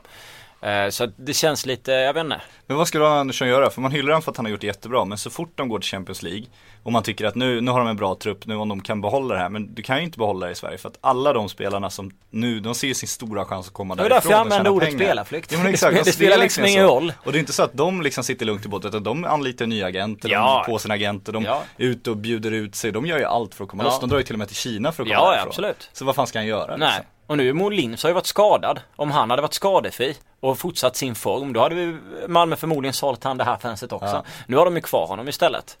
Eh, och de har Thelin kvar, de har ju Rosenberg, eh, Argon vet jag inte riktigt hur, han har inte fått spela i närheten även om de pratade. Hur, hur förklarar vi Kiese Thelin sen också? Alla andra får dra men dig kommer vi behålla liksom. Ja, nu har vi en glad ihålig trupp. Ja exakt, Ja. hur ska du göra han lycklig då? Så att det, för man måste ju ändå tänka på att de är, de är i Malmö, Magnus Eriksson och eh, Foppa är i Malmö. De spelar Champions League, de är liksom på grän, landslag, alltså Fop, Foppa Ja. är ju där liksom. Ja. Då väljer han andra divisionen i Tyskland och Eriksson väljer Kina före att vara kvar och förmodligen få en plats i landslaget om du gör det bra för att Malmö spelar i Champions League. Men man kan ju fatta det också. Han, Eriksson tjänar ju mycket deg som helst i Kina. Han dödar väl inte sin karriär heller. Tror jag inte i alla fall även om han, om han, skulle, om han fortsätter Ja. leverera så ja. Det är väl en lite sådär. Han, men han har inte raka vägen till Premier League någon Nej det har han inte, men Foppa gör väl en, han gör ju en bättre flytt så sett i med tanke på att han går till Leipzig som är en klubb som satsar jävligt mycket. Nu är de ju i andra divisionen i Tyskland men han kan vara där ett halvår, går de upp så är han ändå i Bundesliga, varit med satt sitt märke. Jag tror han tjänar en hel del deg. De har samarbete med Salzburg. Han skulle kunna gå över och spela för dem som är en, en bra klubb. Som har satsat mycket och spela i Men sett. har liksom. inte Leipzig liksom ett, eh, är inte det här ett riktigt projekt med, med miljarder i... Jo men de, klubb, de kan ju ändå flytta däremellan. Det är väl Rangnick som är båda. Han är väl Han är på sportchef, två- sportchef för båda. Han är på två stolar så det är inte omöjligt att göra den flytten. Så den flytten är ju ändå... Det även var ju också det, det laget Malmö slog ut. Ja, Och hur precis. mycket utvecklar det att spela i österrikiska ligan Nej. om de inte går till Champions League? Men det är väl han, så hans förhoppning är väl nu att han ska få kliva upp eh, med Leipzig till Bundesliga. Eh, och spela där. Och gör han det så är det ju... Hade inte de en uttalad eh, vision om att de skulle spela Champions League inom fem år? Jo, de vill ju vinna Bundesliga inom fem år. Vinna Bundesliga inom fem år. Ja. Det är en svår liga att vinna. Det, ja, finns, herregud. det, finns, det finns ett lag som heter Bayern München som inte gärna släpper den där titeln. Jo men då är det intressant också, det kan vara smart att gå till tyska andra divisionen för att du, till skillnad från Jiloan Hamad som jag ändå tyckte gjorde en bra flytt, men han kommer ju förmodligen få spela i tyska andra divisionen Ja. ja. man hoppas. Problemet är ju om de går upp som du säger, om de nu ska vinna Bundesliga, då är det ju inte Forsberg du satsar på liksom. Man undrar hur säker roll han får om de nu går upp. Det känns som det kan gå rätt fort att det kommer in någon ny där då. Ja, det är det som är, det är ju absolut risken att eh, när de kliver upp där så plockar han in två andra, eller tre andra yttrar och då är det betydligt mycket svårare för Foppa att få en plats. Men man kan väl hoppas att han har spelat till sig det under Sen har vi varit inne på det där att de flesta fotbollsspelare har De ju tänker ett självförtroende Ja, som är större än förmågan egentligen. Att man, man vill gärna ta chansen. Ja, men ge mig, ge mig fem träningspass så ska jag visa att, att jag är minst lika bra som Gareth Bale liksom. För jag, jag vet ändå vad jag kan. Eh, på något sätt. Och den, den, eh, den mentala bilden måste man väl ha för sig Ja, själv. jo. När man, när man ger sig ut och när man är mitt i karriären. För att annars Men blir jag, det svårt jag att... tycker det är spännande att se vad Malmö har för attraktionskraft nu när de har varit i Champions League. Vad Daniel kan plocka in för folk liksom. Och vad de har för möjligheter att plocka internationellt sett och hur de har möjlighet att rensa eventuellt i Sverige också. Nu är det rätt många spelare eh, av allsvensk kvalitet, bra allsvensk kvalitet, som har dragit det här fönstret. Och det får man ju bara glida rakt över till IFK Göteborg som har tappat typ, eh, känns som 38 mittfältare ungefär det här fönstret. Och plockat in två unga talanger eh, från Ghana. Lawson och, och Prosper hette de väl. Och Sebastian Eriksson som inte kan träna fullt för tillfället va? Ja, tror jag inte. Ja, han är på gränsen. Ja, han är skadedrabbad så att Mats Green har ju ett jättejobb. Eh, han pratar ju i media lika mycket som eh, Ja, jag vet inte. Det känns som, det börjar kännas lite Wheeler and Dealer, Harry Redknapp över det där. Om man, man ska prata hela tiden och sen så händer det inte så mycket liksom. Han har ju jättejobb att göra. Eh, och det känns som att det inte kom in sådär jättemycket folk till den här klubben. Ja, och Vibe drar också och det stämmer att Hussein sitter fast i Kina. Han ville väl hem men Ja. den klubben ska ha sagt nej. Då eh, blir det ju stora problem. Ja, då är det ju bara att lägga stålar på att IFK Göteborg åker ur 20. Nej men nej men det ska man inte göra men Alltså det känns som att de har, han har ett stort jobb att göra. Nu hade de ju någon jamaican som var tränare med dem i Tunisien som hade varit i Bournemouth. Men Eh, varför gör man inte, alltså jag tycker det är Malmö det jag tycker gjorde så bra var att de Mm. tog Kiese Thelin som de liksom identifierade som man hade någonting extra som de andra hade blundat för. De tog Tinnerholm som de visste höll i Allsvenskan, höll en bra nivå. Mm. Alltså man borde ju verkligen försöka värva mer inom Sverige. Det kan bli dyrt men jag tror att det är mer säkra investeringar än att åka till Afrika och hoppas att någon 19-åring ska komma till liksom en helt annat klimat, en helt annan miljö, en helt annan kultur och helt Ja. plötsligt prestera. Det är ju enorma krav och ett jäkla chansspel. Om du, har, om du har en trupp som fungerar, som bara rullar, som Blåvitt var förra året kanske med mittfältarna, med, de är stabila och så här, då har du ju inga problem att plocka in en 16 och 17 som du kan testa som ytter och ge han lite speltid och så vidare. Liksom. Nu har de i och för sig plockat in Boman som anfallare och Tom Pettersson och så här Det är väl helt okej allsvenska fotbollsspelare. Men du måste ju ändå fylla på med någonting mer och då känns det väldigt vågat att ta en 17-åring och 16-åring, om det var 18 och 17, kommer jag inte ihåg. Jag vet inte ett skit om deras karriär heller, så jag kan inte säga om det kommer att bli några bra värvningar eller inte. De kanske är fantastiska. Eh, men det känns... Eh, gå ut och säga- Chelsea och Ja, ja, men gå ut och säga som Mats Green gör att han har det bredaste kontaktnätet i hela Sverige och sen så kan han inte Men det leverera. har han ju, det sträckte sig hela vägen till, långt Men det levereras ju liksom ingenstans och sen när det kommer ut rykten om någon kille i Lilleström så vill de inte sälja honom, får inte loss honom där och det blir, alltså det blir så här löjligt till slut. Mm. Det känns som att hans aktier har gått ner eh, ganska rejält. Se vad som händer i Blåvitt då.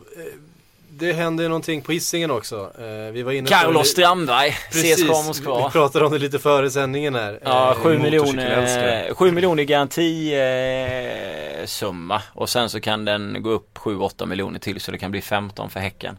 Sonny var tyst när jag ringde honom, han ville inte prata om det överhuvudtaget. Eh, och sådär, men det ska väl vara Moskva och som jag förstår det den informationen jag har haft med tanke på att jag skrev texten var väl att de har accepterat budet.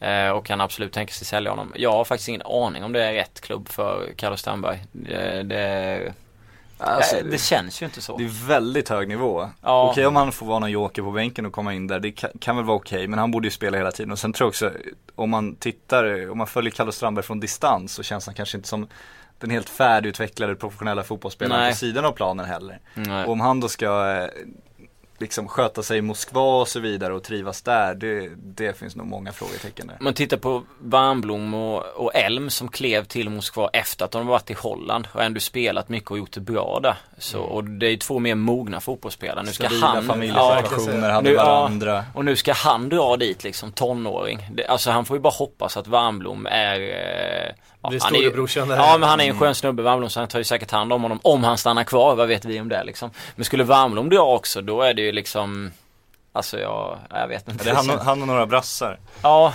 då ska de leka där liksom. Och... Ja, men det känns som han siktar otroligt. Dortmund var ju väl logiskt om han nu skulle vara i liksom en akademi i början. Och Precis, så. han var ju väldigt nära Dortmund i Ja, somras. Det Ja. var ju någon läkarundersökning under Ja. Mystis som inte gick där. Men Ja. CSKA har inte den, den akademitraditionen känns det som.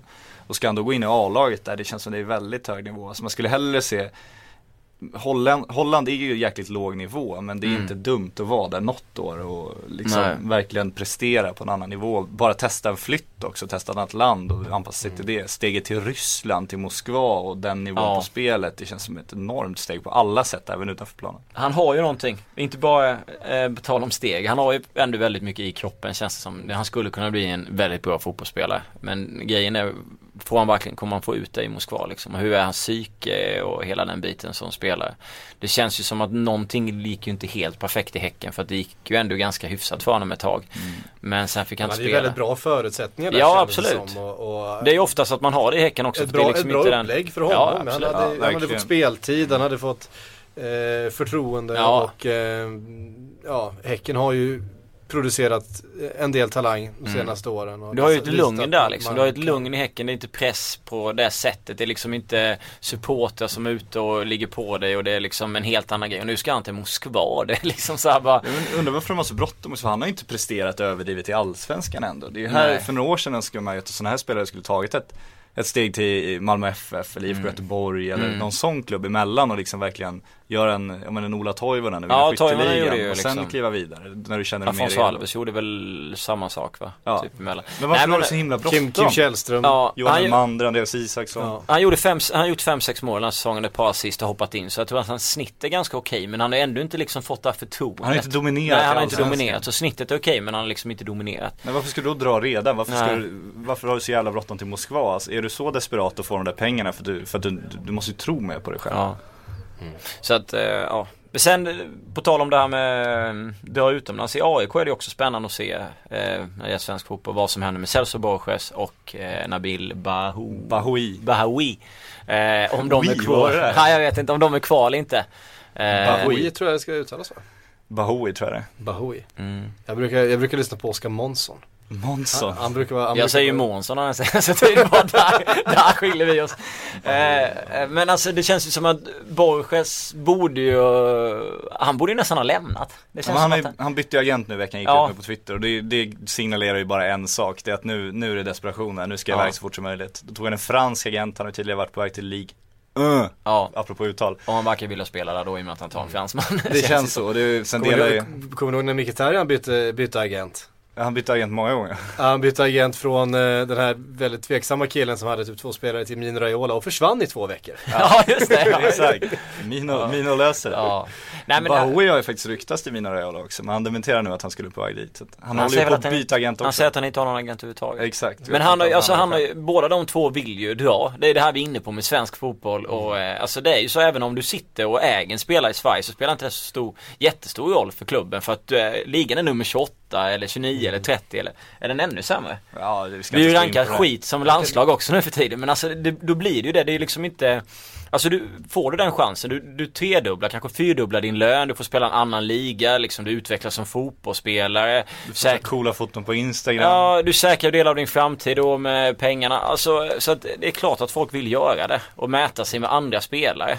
Ja, Alltså, här är ju två nivå. färdiga spelare också. Ja, Ja, Borges och Det Bahoui, snack, alltså de är ju liksom. klara i Ja, Allsvenskan, det är så bara det. Kolla i VM. De har dominerat. Ja, det jobbet som eh, han la ner. Ja, jämför med Carlos Strandberg. Det där är två killar liksom. Borges har varit i VM och gjort det. Han har visat att han kan göra jobbet där och hela den här biten liksom. Och så- så Bahoui att- tveklöst Agos bästa spelare. Ja Alltså. absolut, han producerar ju hur mycket som helst så att Mm. alltså de ska ju utomlands och det är ju bara bra för, alltså, liksom, för svensk fotboll är ju fantastiskt om Nabil kan komma till Ja, rätt klubb och utvecklas ännu mer. Och han känns också som en som inte kommer, alltså han känns lite smartare än att dra till Kina Ja. eller, Det känns som han väljer klubbar med omsorg så att eh, där, där finns, har man ändå väldigt stora förhoppningar. Hörde ni? Det, tiden springer iväg här. Vi måste svara på lite frågor också. Oh! Ja kör, kör. Eh, Vi har snabba svar, ja eller nej bara. Ja, ja, ja eller nej bara. Eh, Jakob LFC eh, skriver Lacazette, nya Benzema, fortsätter han leverera så här är han för bra för Lyon, lämnar han i sommar? Eh, Alltså han är en prestigegrej för Lyon, det är det som är problemet. Han är bara 23 år, de har sin arena som de har satsat på nu och deras president är inne på att nya projektet handlar om att ha egna spelare, egna produkter som de ska slussa in och, så att de ska bli eh, Frankrikes bästa lag igen. Så han är väldigt sugen på behålla honom, vilket ju är ett bra sätt att förhandla upp priset också när man säger så. Fortsätter han leverera så här så kommer han förmodligen lämna det tror jag och då, eh, då är det nog Premier League som har råd. Det kan nog bli en ganska saftig summa. Det tror jag också. Eh, här, är en, här är en galen tanke, jag vet inte om han försöker trolla oss eller eh, vad det är frågan om men jag, tyck, jag tog med den i alla fall för att eh, den stack ut. Eh, Marcus Persson skriver, vore inte Adrian Muto en bra ersättare till Bony i Swansea? jag vet inte, så här, Adrian, har inte han lagt av? Jo, han har, eller, det är lite oklart, det var ju någon rumänsk Han är väl TV-team. 37 eller något sånt där, 38 kanske? 36 tror jag han är. 36. 36. Det var Men ge han ett Rocky för, för lä- läge, försäsongsläge. Kör lite Rocky till Vart var han senast? Han var, Han var i... senast i, i, i Rumänien i en klubb där, nu kan jag inte uttala namnet så jag kan inte ens försöka, så Nej. skulle jag ju till indiska ligan Och så var han för full på ambassaden Ja, så han inte fick visum Så du skrev i ett dokument där. Exakt, Trevligt. det finns, Det ligger hela ute. hans story finns på sajten Mm, ja, Men eh, han det, behöver ja. pengar eftersom han har en, eh, eventuellt en skuld fortfarande till Chelsea Ja, på hur mycket miljoner som helst Så att han är nog sugen på cash Men eh, när de frågade honom, rumänsk tv-tid så ville jag göra en intervju Då sa han, jag, jag vill inte prata, jag har lagt av med fotboll Okej, han kanske har lagt av, men det kan också vara ett sätt att slippa intervjun bara, så att det är väl lite oklart. Men han kommer inte ersätta Wilfred Bony, för det kommer eventuellt Papis Cissé göra. Det är Ja, men det kan jag jag blir tänka lite upprörd. Nej, jag har inga problem med det. Har du inte det? Nej, absolut inte. Ja, okej. Ja, han har ju gjort en hel del mål men det är en usel fotbollsspelare förutom det. Alltså han kan ju inte slå en Han är passning. briljant i år. Han Kolla inte hur mycket mål han passning. gör. Ja, han gör mycket mål absolut. Men jag har inga Är problem inte med det att det han går ut på då? Jo, absolut. Men jag har inga Du problem kan ha det. Revillier där istället. Nej, nej, men vi ska in på Balotelli. Okej, ja det är sant. Bra, ja, just det. Eh, Anton, Ju- Anton Johansson skriver, eh, kan Mata bli nästa bit i Valencias storsatsning? Jag tror inte man ska ge upp Mata United, United. riktigt än. Men ja, snart kommer han ju vara flyttbar om det fortsätter så här. Så var, varför inte? Han eh, har ju en historia.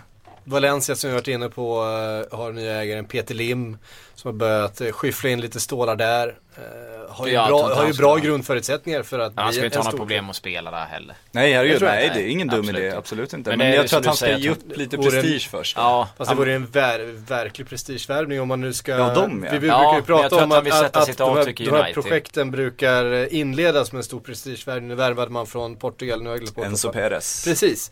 Eh, för en hi- himla massa pengar. 240 miljoner. Ja. Albert Lucke. Ja, lyft upp. ja, ja. Det är det Swansea kommer få betala för Papi Cissé. Ja, nej men Mata, vi ska absolut inte avfärda den. Men det Nej. känns som det hade varit för Mata än så länge innan Valencia byggt upp det här och ge upp lite. Ja, sommar 2016 kan jag tänka mig att den bara när han kanske har vunnit någonting i Ja, ja, United. Jag tror han vill göra det. ja. Vi fyller på med Linus eh, Turäng som skriver Vilket lag har det mest intressanta framtidsprojektet på gång? Inter kanske? Ja det kanske står mellan, mellan Inter och Valencia just nu då. Ja, jag har, eh, tror mer på, alltså om man, om man flashar stålarna brukar vara eh, en bra uppmaning och det Ja. tycker inte jag att Torira har gjort riktigt än. Det gör däremot Valencia. Ja. Så Man har Valencia ju löst. Shaqiri nu. Jo, men eh, det var inte riktigt att flasha stålarna. Det var ju Mancini som löste den med lite bra telefonsamtal. Han var ju överens med Liverpool har han ju sagt nu i Det var inte så att de behövde dra bort honom heller. Nej. Nej, alltså det var ju liksom. Men han var ju han var ju överens i somras med Liverpool tydligen, men då sa Bayern nej och nu vill Liverpool ha honom igen. Men då ringde Mancini och, övertalade honom med sitt projekt. Mhm. Så att det är nog mer Mancinis projekt just nu än att, men Valencia är ju eh, sjukt spännande, ingen Ja. tvekan om det. Ja det är det. Ehm, Kristoffer Börjesson skriver Vem är egentligen rimlig eller eh, troligast att ersätta Gerard? Är det Milner som central mittfältare eller någon annan? Jag tror, att man, jag tror att man gör fel om man tänker att någon ska ersätta Gerard rakt av. För att eh, det var ungefär som när det pratades om i somras. Det ska komma någon in och ersätta Luis Suarez. Det är en sån här det är en sån speciell Ja. profil och en så speciell eh, personlighet att Absolut. man får ju ta in någonting annat. Man Ja. får ju helt enkelt Får ju bygga om laget Ja, man sätt. får, man får ha en framtid med ett annat lag. Ett Men annat. hugg Milner för helvete. Han är ju, jag Milner tycker jag är en, en briljant Ja, fotbollsspelare. Briljant fotbollsspelare, gratis i sommaren, engelsman, engelsk landslagsman. Han tickar ju Springer, alla kör, boxar liksom. man vill ha Ja, liksom. ja, alltså om inte Arsenal och Liverpool är efter honom så kan de lägga ner sin fotbollsverksamhet. Ehm, Emil, eh, har vi något namn då? Alltså skulle kunna komma in och bli nästa, vi säger nä- nästa mittfältsgeneral då för, för eh, Liverpool. Jag tror ju att eh, namnet redan finns där. Jag tror att det är Jordan Henderson som har Ja, han börjar ju kliva fram nu verkligen. Eh, har ju börjat, börjat växa till sig i, i den där rollen. Och Ja, ge ung. förtroendet och försök få, Ja. få ut max av honom. Det är väl Ja. nog den bästa idén. Får vi hålla med om. Det, det tror jag faktiskt. Ehm, Emil Stjär, eh, Stjärnman ska det väl vara? Stjärnman. Stjärnman eh, skriver, vilken anfallare blir det till Spurs enligt vad ni tror? Berahino, Ings eller Charlie Austin? Harry Kane för fan, vad är problemet? Ja, man kanske behöver någon mer än Harry nej, nej för fan. Så- Vad är det bara Goldado. Eh, Ja, ju vilken underskattad fotbollsspelare. Men vilken idiot också samtidigt. Newcastle-material. Ja, herregud. in med han bara. Välkommen. Han och Ballo på topp. Ja, för fan. Nej men det finns ju några, Austin och Ings och det finns ju namn i England nu som kommer Som liksom är intressanta men Ja. det är ju återigen de här överpriserna på engelska Ja, spelare är som gör att det inte riktigt blir värt det. Ja, Char- försäljningssumman Charlie- för honom ska väl typ göra om hela, hela laget. Ja som det kommer bli så. VBA, Ja liksom. och Austin sitter du på sånt så kommer du inte släppa honom för 150 miljoner. Nej. Nej, och Charlie Austin var han nu 26-27 år gammal. Mm. Ja. Eh, något sånt där, man tänker sig Berahino ändå kanske 20-21. Danny Ings 21-22. Något sånt där. De är ju betydligt yngre. Ja, men samtidigt så är den här åldersnojan folk har, alltså vad fan hur långt projekt tar det? är ingen som bygger på 10 års sikt ändå. Alltså du pikar som fotbollsspelare är 28 liksom. Mm. Ska du då köpa en kille som är 20 och vänta 8 år på att han ska bli som bäst? Jag förstår inte riktigt varför alla är så jävla sugna på det. Vad fan, ta in någon som är 25-26 som är färdig, du vet vad du får. Det, det är ju värt en hel del. Man vill ju inte veta vad man får, man vill ju ha något, man vill att de ska stiga i värde. Jo exakt. Det är ju det, det, är det som är alla Men- klubbars men- eh, mål. Men jobbar du med någon slags ekonomisk jävla verksamhet eller bygger du ett fotbollslag? Det är, tror jag vi har svarat på väldigt många gånger i den här podden att det är en ekonomisk verksamhet. Men jag- jag tycker jag, att det- folk var det Spurs vi snackade om här från Ja, början. ja, ja. Jag tror inte att de vill betala de pengarna för Berahino.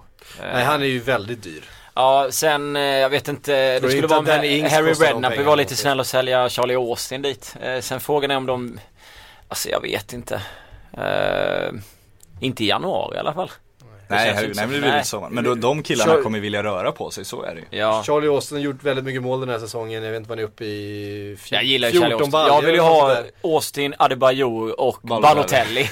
Det är en tio som ska vara i Newcastle. Det är lite som Messi, Neymar, Suarez men av annan kvalitet. De julfesterna sen. Ja. Ja, det är härligt. det är drömmen. Eh, vi tar en sista då, eh, som vi inte har eh, nämnt än, som du hade med i ditt sillysvep igår. Eh, Arvid Karlsson skriver, Origi, på riktigt, känns väl ändå helt meningslöst. Ja, här är vi ju inte överens du och jag Sik, det tycker jag var roligt. Du Nej, tycker att vi är det är en kanon, kanonaffär. Jag tycker att det är en eh, rätt sak att göra ut, utav Liverpool, absolut. Vi pratade om det här senast, så sa du att de skulle vänta. Jag tycker att de ska, alltså, Mm. jag förstår att de gör det för att om du har, det är återigen FFP, vi ska inte hålla på och rita på tavlor här igen. Men, men det beror ju på, de har ju redan hans eh, köpsumma utslagen mot sitt FFP-tak. Ja. Och det påstås ju att Uefa är på dem, att de verkligen, alltså att de, de är under granskning. Mm. Exakt. Så att då är det väldigt lätt att ta in honom, för då blir, om det nu kostar så mycket som 56 miljoner för ett halvår, vilket det Det senaste kostar inte så summan är mycket för det här räkenskapsåret. Exakt, och ekonomiskt så går det att räkna hem det ganska enkelt, även fast det blir dyrt. På en summa så blir det billigt flera år, billigare än att köpa någon annan. Så att ekonomiskt är det ju en bra deal, men Jag tycker, att det, jag tycker att det är rimligt ekonomiskt, jag tycker också det är rimligt eh, rent fotbollsmässigt. För jag, jag har svårt att se Liverpool överhuvudtaget lösa spelaren som ska vända den här eh, säsongen. Eh, däremot så har du en spelare som är utlånad just nu, som spelar i ett lag där han inte får ut sin kapacitet just nu. Det har ju gått väldigt trögt i Lille. Eh, han har ju själv haft en ganska, ganska djup formsvacka får man säga jämfört med förra året. Eh, men är ju fortfarande en spelare med mycket kvalitet. Han är nyss 20 fyllda tror jag. om ens det, Om ens 19 det. fortfarande. Eh, Men den pressen. Ja men exakt, det är det jag menar. Du tänker ju på Liverpools, alltså Ja. Liverpools perspektiv är absolut lätt. Men risken är ju att du tar in en 19-åring som han fortfarande är. Jag tror, inte att Och- man, jag tror inte man tar in honom heller som startspelare. Jag tror att man har sin, eh, sin grund i att med Raheem Sterling längst upp. Eh, man får snart tillbaka Daniel Sturridge som ska in och spela. Eh, vi har sett eh, Markovic få mer speltid, vi har sett Coutinho där uppe. Jag tror att Origi skulle kunna gå in här, kunna vara inhoppare, spela, eh, det ska spelas kupper, det ska spela Europa League. Eh, han, hade, han hade fått chanser, han hade inte fått bära den som till exempel hade man tagit in en spelare för 20 miljoner som ska vara liksom frälsaren. Jag tror inte det blir den rollen. Dessutom tror jag Men att han kommer är en spelarprofil som funkar ha- ganska bra. Ja, Men, men Kommer Det de känns ha ändå som Liverpools fans kommer se den här 19-åringen som kommer som liksom spelade VM och så var den här prestigeköpet. Ja. De kommer ju tycka att han är frälsaren, han kommer ju ändå få ha den pressen på sina axlar. Några öl innanför västen och Ja, men betalar du 56 miljoner då för en kille som du har liksom som rotationsobjekt som tredje jobb, eh, då är det ju bättre att låta honom fortsätta få speltid i Lille och utvecklas istället för att sitta på bänken i Liverpool och det är det jag undrar. Jag undrar för han utvecklas så mycket i Lille just nu. Jag tror, att, jag tror att det börjar bli en ryggsäck det här. Lille som går väldigt dåligt överhuvudtaget. Han spelar ett, ett väldigt tråkigt lag just nu där Ja, han absolut. inte Men jag tror ändå han får mer av att spela än att sitta på bänken och vara inhopp. Och sen när han väl, när han står på den linjen på Liverpools gräs, vid den kritvita linjen där Mm. och han liksom tar av sin eh, tröja och hans namn och nummer står där på ryggen. Då kommer ju hela Anfield, han kommer känna det också. Hela Anfield kommer liksom Liksom så här bara bubbla upp och ha förväntningar att nu, nu är han tillbaks, nu är han här, nu ska vi få se honom den här frälsan som det ändå kommer, det kommer bli någon sån Ja, stämpel. det- Och ja, det- det- det- jag- jag är 19 inte riktigt säker på Han får ju ändå en bra matcher. erfarenhet i Lille, även om den klubben går tungt så får han ändå vara med om det som 19-åring. Och han är ju liksom kanske en av deras viktigaste på- spelare. Han är liksom Ja, absolut. självskriven. Han, Han ska vara i alla fall. han ska vara i alla fall. Jag är nog för att stanna i, i France. Jag tror det är bättre för honom att stanna i Frankrike och därför tror jag att det är bättre på lång sikt för Liverpool att låta honom stanna i Frankrike. För den här säsongen är, det är, försöka i panik rädda, jag är rädd att de, de bränner ut en 19-åring då. Ja, jag, jag är inte säker på att det, är det, att det är det de kommer göra om de plockar honom. För många eh, ser honom som ett alternativ till att plocka in en stor stjärna. Jag tror inte Liverpool är intresserade av att plocka in en stor stjärna överhuvudtaget. Nej, de har inte råd med det. Så är det. Eh, Och ska han sitta nej. på bänken och Balotelli är kvar, vilka tror du kommer hänga då? Va, jag, jag, Då är ju karriären över då är direkt. Ja, det är Ja, kört. jag, jag, jag tror snarare eh, med tanke på att det kommer en Europa League, det ska spelas eh, kupper, eh, man är kvar i ligacupen, man ska spela FA-cupen och dessutom väldigt mycket fokus på de som ska spela eh, ligan. Man vill, man vill kunna satsa på alla fronter, därför tror jag Ja, att det bra, är, bra är för Liverpool, dåligt för Rigi på lång sikt, Beredd. dåligt för Liverpool. Ja, Vi får se. Det är där vi inte är överens. Eh, Skicka Nej, det är är bra raketer, i lägenheten och sånt där med Balotelli. Balotelli börjar kasta dartpilar på andra dagen. Ja, det funkar inte. Eh, vi får se. Hörrni ni, nu har klockan sprungit iväg alldeles, alldeles för mycket. Ja. Vi får tacka för idag. Tack för att ni har lyssnat, tack Patrik och Fredrik. Vi hörs om en vecka. Hej! I think I worked for 16 years here in England, and I deserve a bit more credit than wrong informations.